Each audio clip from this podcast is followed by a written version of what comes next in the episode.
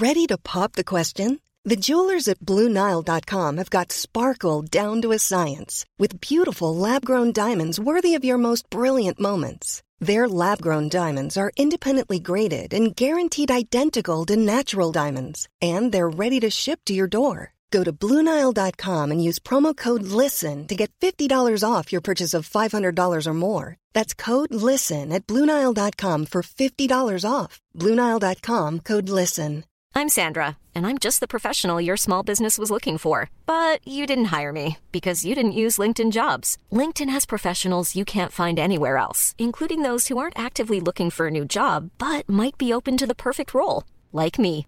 In a given month, over 70% of LinkedIn users don't visit other leading job sites. So if you're not looking on LinkedIn, you'll miss out on great candidates like Sandra. Start hiring professionals like a professional. Post your free job on linkedin.com/people slash people today.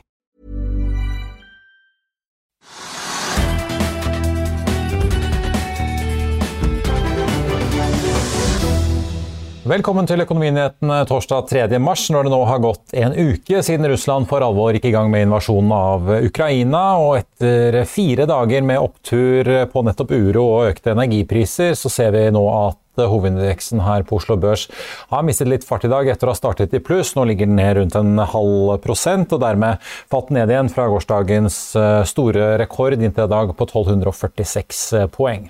I dagens sending får vi besøk av Grete Meier i Privatmegleren for å snakke om de ferske boligpristallene. Vi skal også innom energikonferansen til Sparebank1 Markets. Men først la oss ta en titt på noen av eh, dagens eh, markedsnyheter og hva som rører seg. Rundt oss i Europa så er det egentlig bare Paris og København-indeksene som nå er opp etter en grønn start i Asia i morges. Det er stort sett rødt rundt på børsene ellers. Og på Wall Street peker futuresene mot et fall der etter en opptur i går. Det som er med på å holde hovedindeksen oppe i dag, er bl.a. oljeserviceselskapet Subsea 7, som har sluppet kvartalstall, oljeselskapet DNO, seismikkselskapet TGS, Valenius Wilhelmsen og også Norsk Hydro, som suser videre på en aluminiumspris som er opp nye 2,5 til over 3500 dollar eh, nå i øyeblikket. Subsea 7 stiger hele 12% i dag, og Håkon Amundsen i ABG kaller det en fortjent oppgang etter at selskapets eh, etter at han, eh, etter at han etter at selskapets kvartalsrapport viser at selskapet leverte, mener han, og at ledelsen også er litt mer positive, og at utbyttepolitikken til selskapet nå er mer avklart. Subsea 7 varslet at det kommer et utbytte på én krone aksjen, tilsvarende 33 millioner dollar for 2021, og at de også skal kjøpe tilbake aksjer for 70 millioner dollar. Men oppturen i disse aksjene er ikke nok til å holde hovedveksten oppe, for eh, vi har fått et tilbakefall i dag i flere store oljeaksjer. Equinor er bl.a. ned 1,1 og er dermed ikke lenger verdt eh, over 1000 milliarder kroner, som vi så for aller første gang her i går. Andre aksjer som trekker ned, er bl.a. Avans Gass, oppdrettsselskapet Movi, Aker Horizons og ikke minst teknologiselskapet Crayon, som er nest mest omsatt i dag. Aksjen er ned 7,4 etter at storeier OEP ITS bekrefter at de har solgt unna en god del aksjer, og nå sitter igjen med 8,4% også ta med at emballasjeprodusenten Elopak faller litt over 5 etter å ha erklært force majeure som følge av krigen i Ukraina. De har jo da anlegg i eh, området. Aker Offshore Wind stiger 2,5 i dag, etter meldingen om at de har sikret seg nok en lisens i Ulsan i Sør-Korea i samarbeid med Ocean Winds, denne gang på 450 megawatt, som gjør at de nå har nådd målet om totalt 1,2 gigawatt i kapasitet som de kan bygge ut eh, innen havvind.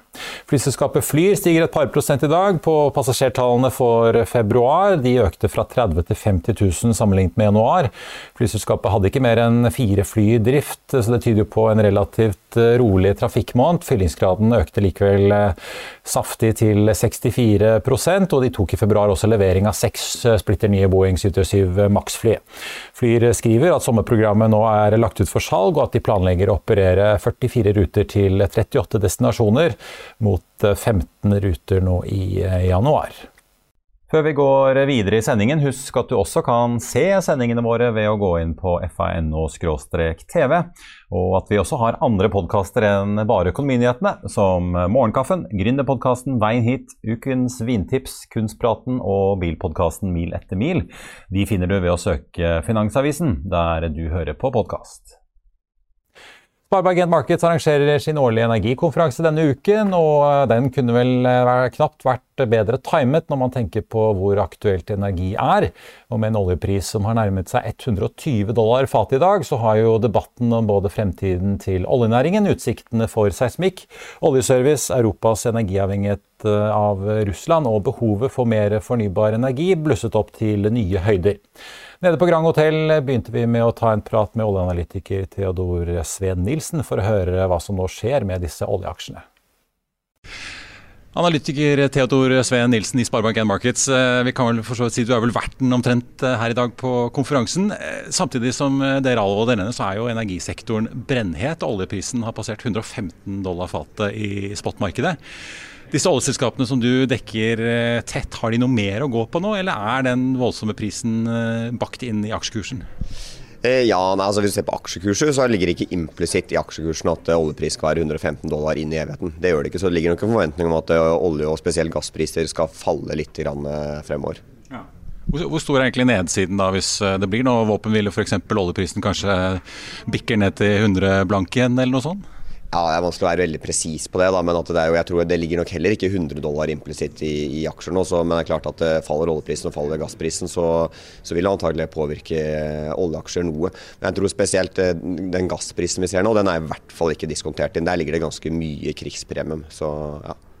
Vi har sett eh, ganske mange grønne energiaksjer få seg løft de siste dagene. Det spekuleres jo om det skyldes at eh, man nå tror EU vil bånn gass eh, for å fri seg fra russisk energiavhengighet. Hva med resten av energisektoren? Her har dere jo samlet seismikkselskaper, oljeserviceselskaper. Kommer nå oljeselskapene til å revurdere investeringsplanene sine i lys av hva som nå har skjedd, tror du? Ja, Det der er jo tusenkronersspørsmålet. Det har jo vært litt tema her om at det vi ser nå med Ukraina og Russland, at det kanskje vil akselerere eh, energitransisjon noe. Hva som faktisk kommer til å skje, det er vel et eh, politisk eh, spørsmål. Men eh, det som er helt sikkert er at eh, verden trenger energi. Og det som er tema i, på dagen i dag, det er jo mer på oljeselskapene. Og der ser vi det at eh, oljeselskapene har jo rekordhøy Eh, fri kontantstrøm. Eh, så enten så blir det kjempehøye utbytter, eller så vil jo de bruke noe mer penger som igjen vil dryppe ned på eh, oil service-leverandørene. Og det vi jo ser da, det er jo det at i år vil vi for første gang på mange år få tosifra vekst i INP-spending. Ja, Så det, er, det, fører faktisk til økt, økte investeringer? Absolutt. 15% er det vi tror på for inneværende år, i økt global INP-spending, e som, som, vi kaller det. Så definitivt eh, oljeselskapene kommer til å bruke mer penger. Og det vi også ser er at det er jo mange oljeselskaper som tradisjonelt sett har hatt gjeld, som nå har netto cash. Eh, Equinor er en av de. Hyggelig posisjon å være i. Til slutt, Det pågår jo en stor fusjon på norsk sokkel. Lundin og Aker BP skal slå seg sammen ved at Aker BP skal kjøpe opp Lundins oljevirksomhet. Påvirker eh, de voldsomme prisene vi nå ser den dealen på noen måte, eller eh, tar den hensyn til det?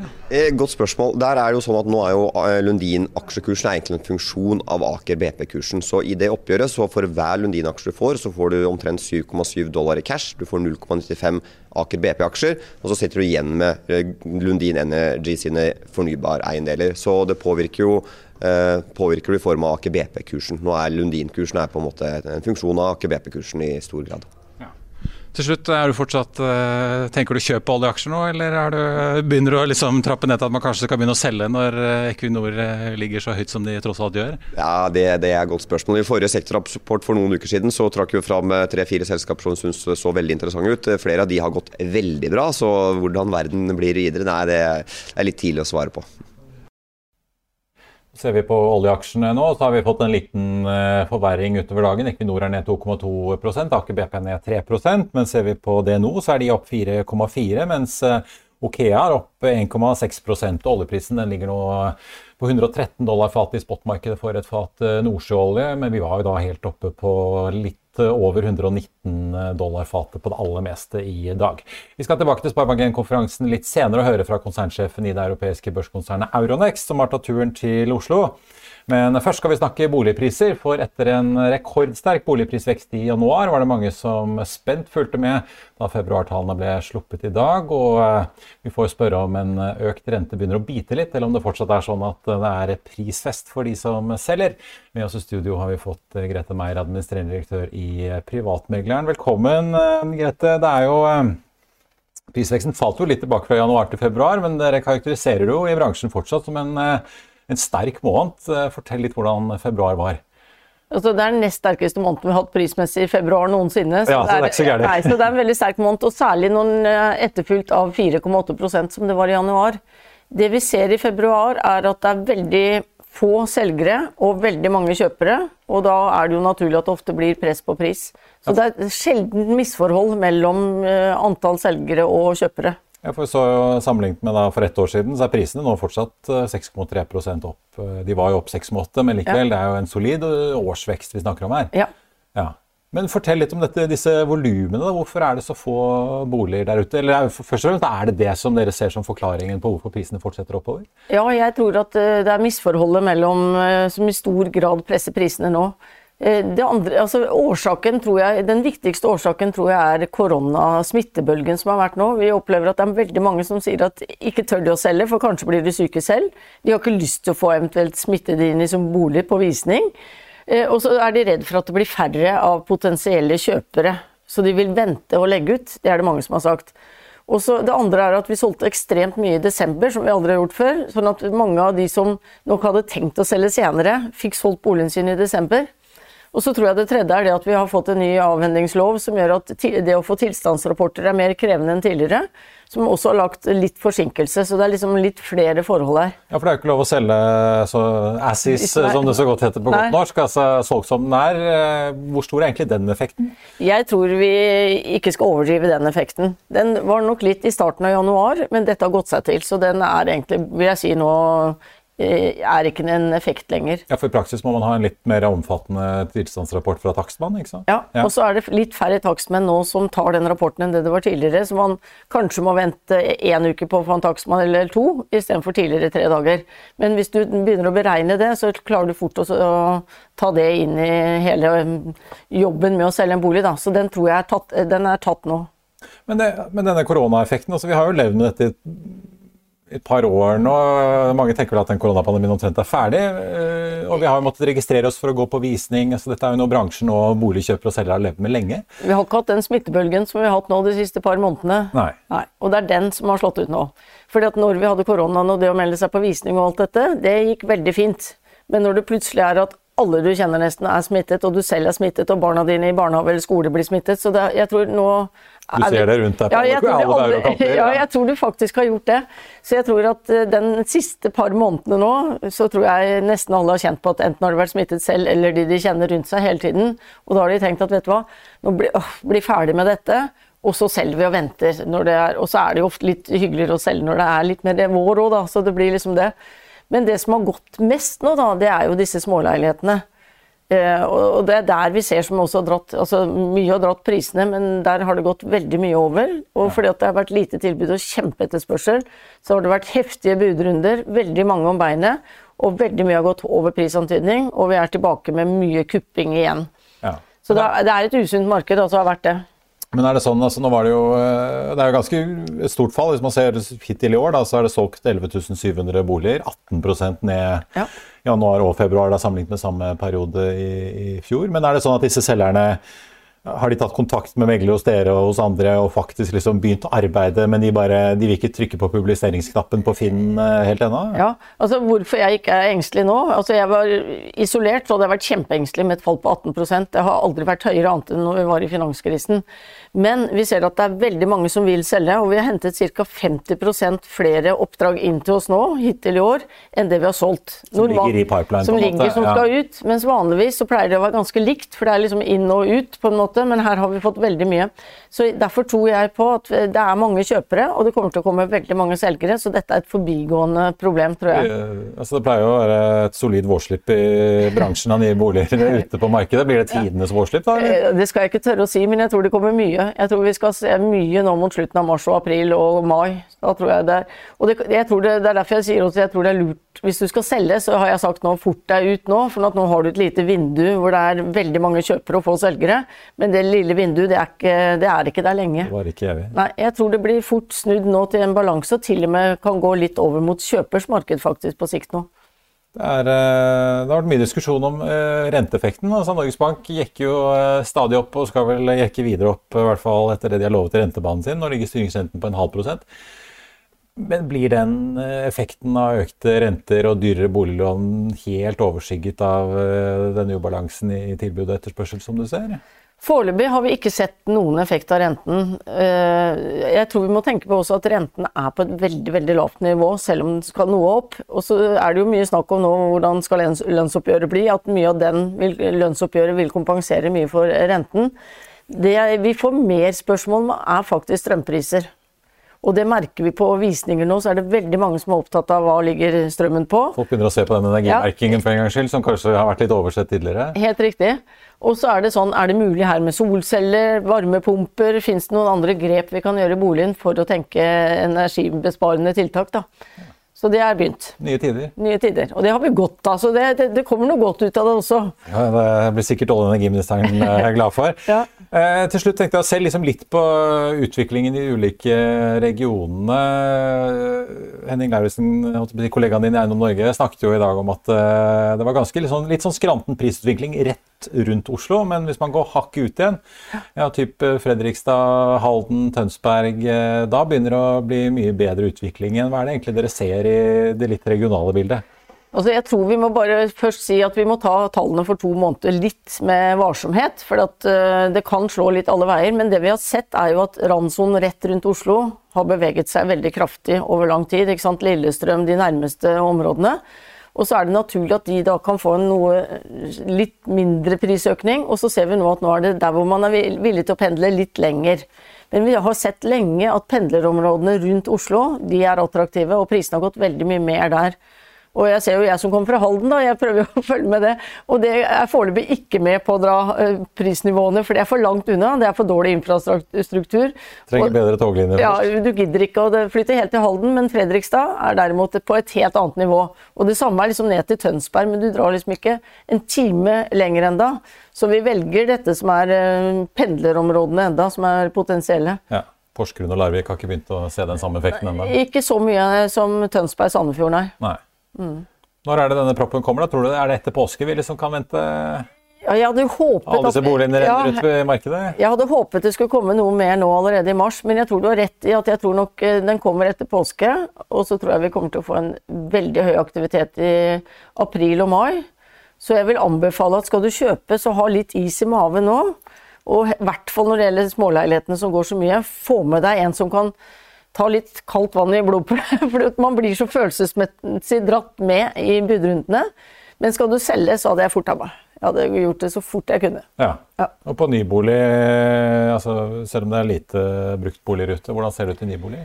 Jeg, litt, jeg, klarer ikke helt å få grep om det. Jeg syns det er litt lav aktivitet, i det vi har hatt salgsstarter på nå.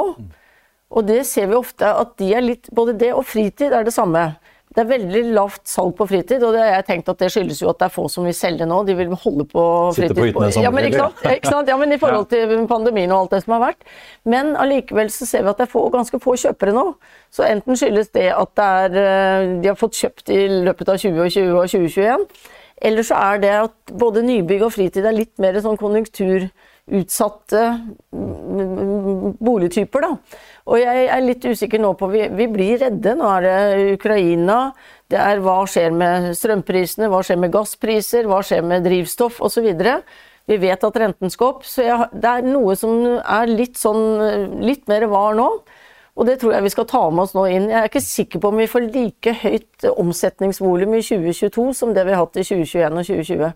Folk vegrer seg for å binde seg? Ja, jeg tror det, men så kan vi se samtidig, så kommer Ukraina. Som kan slå litt som koronaen gjør. Det at det å eie sitt eget, bygge reir, tryggheten ved å ha sitt eget nå i en usikker periode, også taler for det motsatte. Så her er det litt for tidlig å si egentlig det ene eller det andre. Grete Meier i Privatmegleren, tusen takk skal du ha. Så vi sier lykke til med årsskipet. Takk for det. Hiring for your small business? If you're not looking for professionals on LinkedIn, you're looking in the wrong place. That's like looking for your car keys in a fish tank. LinkedIn helps you hire professionals you can't find anywhere else, even those who aren't actively searching for a new job but might be open to the perfect role. In a given month, over 70% of LinkedIn users don't even visit other leading job sites. So start looking in the right place. With LinkedIn, you can hire professionals like a professional. Post your free job on linkedin.com slash people today. I'll see you in court. Vi sier det ofte litt på spøk, men for deg som driver business, er det aldri moro å innse at du ikke har laget en 100% gyldig kontrakt. Du bør ikke risikere hele firmaet ditt fordi du synes dette med kontrakter er litt stress. En avtale er ikke en avtale. Du kan miste kunder, miste venner, ja, til og med miste inntekter om du ikke lager en skikkelig kontrakt, på alt mulig, egentlig. Men vi vet det er et styr, kopimaskiner, treg printer og haugevis av papir. Dessuten stoler vi jo på folk her i landet. Det er ofte litt kleint å skulle be om en signatur for alt mulig, ja, for mye av styret handler også om jakten på underskriften. Det finnes en enkel måte å løse dette på, Dukkobit, en trygg, effektiv og get this, gratis måte å sikre seg en god natts søvn pluss en juridisk bindende avtale. Dukkobit-appen har de strengeste sikkerhetskrav i bunn, samt en EU-godkjent og sertifisert teknologi.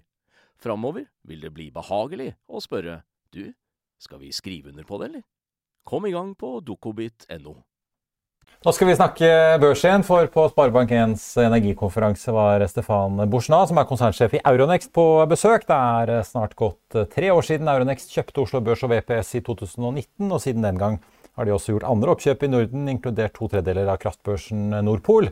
Vi snakket med Borsna om hvilke trender han ser i det nordiske børsmarkedet. Han svarer på kritikken mot Euronext, growth-bølgen, og vi måtte selvfølgelig da begynne med konsekvensene for finansmarkedene av Russlands invasjon av Ukraina.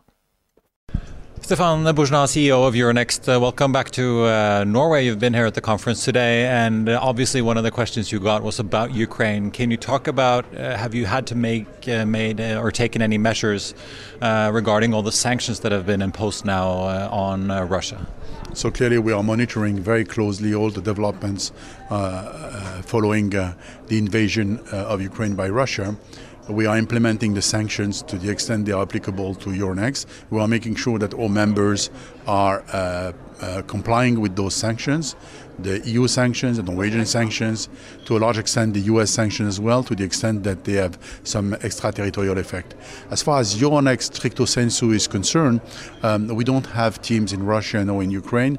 We don't have any Russian uh, issuers listed on Euronext, and, and therefore most of the sanctions are very easy to comply with. We are taking precautionary measures in two fronts. First of all, to be close to our teams, in particular our teams that are based in the Nordic regions, in in uh, in Norway, in Sweden, and and in, in Finland, because Norway has 200 uh, kilometers of land border with Russia, and, and Finland 1,300 kilometers of land border with Russia. So the sensitivity of the teams is very important. Um, we also have some teams in uh, in Estonia, in Lithuania, and also some people uh, based in New York and, and, and London who have relatives in Ukraine and Russia. So for them, uh, life is, is, is, is complicated. And the other field of action is on the cyber front because we believe that uh, it's critical for every uh, business organization, every even non-profit organizations to monitor very, very uh, closely their their potential vulnerabilities to, to cyber attacks because we should operate on the assumption that if things escalate, uh, cyber attacks will be will be significant. Uh, you're obviously in a different position than the Nasdaq and uh, the New York Stock Exchange that have Russian securities listed uh, and that have suspended trading in those. Uh, but if you look at it more long term now, with the relationship being so tense, uh, what are the long term effects on the capital markets in Europe? Do you think uh, could you be forced to shut out Russian investors and brokerage houses? It's difficult to say at this stage, but we operate on the assumption that what has been damaged in terms of relationship between uh, the West, because we have to use again this type of language, and uh, Russia uh, is damaged for a while, and it will take a while before returning to the status quo ante. And uh, we have to assume that it will be extremely complicated in the years to come, even after this escalation, uh, to come back to, to the previous uh, environment. Um, so we will implement the sanctions, but we are extremely cautious and conservative uh, in terms of taking uh, and onboarding a new Russian risk. And I think this approach of performing the sanctions and not onboarding additional Russian risk, even if they are not covered by sanctions, but just for risk appetite approach, is is is, is uh, developing across uh, uh, the players within the financial industry. I have to ask you a little bit about uh, how you view the Nordic markets now. You came into Norway, uh, bought Oslo Børs, uh, you've acquired half of Nordpol, also made uh, acquisitions in, in, Denmark. For the last couple of years, we've seen a large wave of green and uh, tech companies come into uh, Oslo Børs. recently, we've seen Vår Energi and oil and gas being back at the forefront again with high prices. what sort of trends do you see emerging for the next year in, these, in this region? First of all, uh, we are very proud of our investments in the Nordic regions. We don't we didn't acquire 50% of Nordpol, we acquired two thirds of Nordpol. But um, it, it's clear that um, the investments uh, deployed by Euronext in the Nordic regions are going to to continue. Uh, we are very happy with the, the acquisition of uh, Oslo Børs, of VPS, of VP Securities in Copenhagen, of Nordpol here in Oslo. Um, today, the revenues generated by the Nordic regions uh, represent approximately 21% of uh, the top line of, of Euronext, compared to 28% for France and about 33% for Italy. So it's really material. Um, so we, as a company, are going to continue expanding in the Nordic region to make Oslo the launchpad of our development in, in the region. We believe that Oslo now, with the single liquidity pool of Euronext to which Oslo is now connected, the single order book, the single technology platform, the harmonized rulebook, is, is in a very favorable uh, sweet spot where when you list in Oslo, you list in a place where you have many peers in the seafood, in the shipping, in the oil and gas, in the renewable sector, but at the same time, you don't list in a small market, you list in a market which is connected, which is a fully component, a totally integrated component of the largest liquidity pool in Europe, where more than 25% of the shares listed in Europe are listed on that market, where um, uh, you have the largest number of, of, issuers with an aggregate market capitalization of 6.9 trillion euro, which is approximately twice the size of the London Stock Exchange market and, and three times the size of Frankfurt market.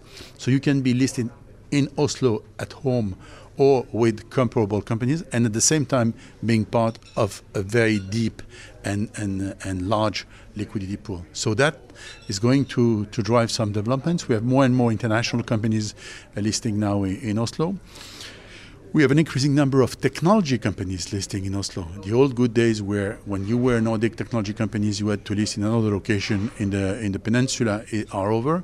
Oslo does offer now a very vibrant technology market, and it's going to continue, in particular in the clean tech uh, world, where Oslo, which used to be um, a pure oil and gas location, is transitioning towards a renewable and clean energy location and uh, and we we are absolutely enthusiastic with the number of clean tech companies that just last year we had uh, out of uh, 20, uh, 67 listings we had 20 or even more than 20 listings from clean tech companies so Norway is becoming a clean tech and renewable country and Oslo is becoming the home for those Nordic clean tech and renewable companies. Lastly, I have to ask you there's been a big debate in Norway about the uh, listing requirements in Euronext uh, growth, that they, and some critics say that they are too lenient when it comes to financial reporting, what sort of activity the companies actually have uh, when they are listed. How do you respond to that uh, criticism? Well, I mean, I think it's a big misunderstanding because there was a report from FinanceNet which was very, very positive in most of their conclusions, and they made two small remarks about uh, the review process and the organization of the admissions. We immediately addressed their concern. We separated the admission teams from the sales team, and we extended from 10 days to 15 days the review process, and it's just all fine. Uh, but some some people picked up those two small reservations and built a, a story around it, which is okay. I, I strongly prefer to live in a, and to operate in a, in a country where, where the journalists do their work and, and, and pick these type of things. But as we say uh, in my country, nobody talks about the trains that arrive on time, and uh, and clearly that captured most of the attention. But the reality is that Euronext growth has been a great solution for uh, many technology companies uh, in every sector. It has been the home for welcoming uh, technology, Nordic technology companies in particular. So we are fixing the small uh, comments that have been addressed, but there is no fundamental structural issues with the role, the operations, the, the, the, governance of, uh, of Euronext Growth. But is the launch of this IPO Ready program uh, that you're doing in Norway now, is that a sign that you're sort of acknowledging that some of these companies need uh, a little more training before they're allowed out in the big world? No, I think it's, it's totally separate. I mean, the, this, these companies, the, the IPO program is, is uh, uh, aiming to, to prepare companies to uh, the thermal shock of becoming public in terms of being ready to manage expectation of investors, in terms of uh, streamlining the strategic focus of the company to be less diversified and less opportunistic, in terms of incentivizing better management teams with, with stock uh, compensation, in terms of um, uh, accounting discipline, in terms of uh, transparency of governance, etc. Uh, it has I think nothing to do with the, the documentation of, of the risk profile of, of, of the company because Oslo Børs has been doing for years an excellent job in, uh, in welcoming companies and, and using their scrutiny to make sure that, that companies were properly welcomed at the exchange. There is a boom of IPO, boom of technology companies, so the teams are using the same level of scrutiny and doing an excellent job. What we are trying to do with IPO Ready in Norway is to work much more upfront to uh, to cover all sorts of issues that have nothing to do with the listing process itself, but just to secure, to to help mm, uh, managers, board members of those companies to get ready before they get lucky. Tar vi med at uh, Horisont Energi melder at de vil bygge en grønn ammoniakkfabrikk i Finnmark i samarbeid med ST1. og De annonserer nå at de inviterer kystkommuner i Finnmark til å diskutere plassering av anlegget som skal produsere hydrogen fra biomasse eller biometan. Horisont Energi er jo også kjent eh, for å planlegge et ammoniakkanlegg i Finnmark i samarbeid med Equinor og Vår Energi, altså i tillegg til dette anlegget med ST1. Den aksjen har jo steget kraftig eh, siden børsnoteringen, men akkurat i dag er den ned 1,8% Så får vi ta en titt på resten av eh, markedet nå i dag. Hovedindeksen har mistet enda mer fart og er nå ned 1,12% til 1214 poeng. Vi ser jo at eh, flere store, store på Oslo Børs, eh, og da særlig de tre store oljeselskapene Equinor, Aker BP og Vår Energi har mistet ganske mye fart i dag. Vår Energi er ned 0,7% mens Equinor og Aker BP er ned over 4 eh, begge to. De hadde jo en voldsom oppgang sist da i går. Oljeprisen ligger fortsatt på 110 dollar fatet i spotmarkedet. Og så ser vi at Crayon da ligger nå som den tredje mest omsatte aksjen eh, på Oslo Børs etter det store salget til storeieren der. Den aksjen er ned eh, litt over 6,3 Ellers eh, blant de store aksjene så er både Hydro og Frontline opp litt over 2 i dag. Subsea 7 også en av de store vinnerne i dag, opp 11,6% etter kvartalsrapporten og nyheter rundt utbytte fra selskapet. I Finansavisen i morgen har Trygve Hegnar tittet på meningsmålinger og spør lederen sin om Arbeiderpartiet tar av nå. Du kan også lese om DNB Markets Alexander Aukner, som spår hopp i laks, og hvilken aksje han har sendt ut en kjøpsanbefaling på. Du kan lese om Jotuns stenging av Russland-fabrikken sin, og om oljefondet, som nå erkjenner at Russland-investeringene trolig er tapt. Det var det vi hadde for eh, denne gang. I morgen er det fredag, og vi er tilbake igjen da klokken 13.30. I mellomtiden får du som alltid siste nytt på FA.no. Mitt navn er Marius Lorentzen. Takk for at du så på. God torsdag, og så håper jeg vi ses igjen i morgen.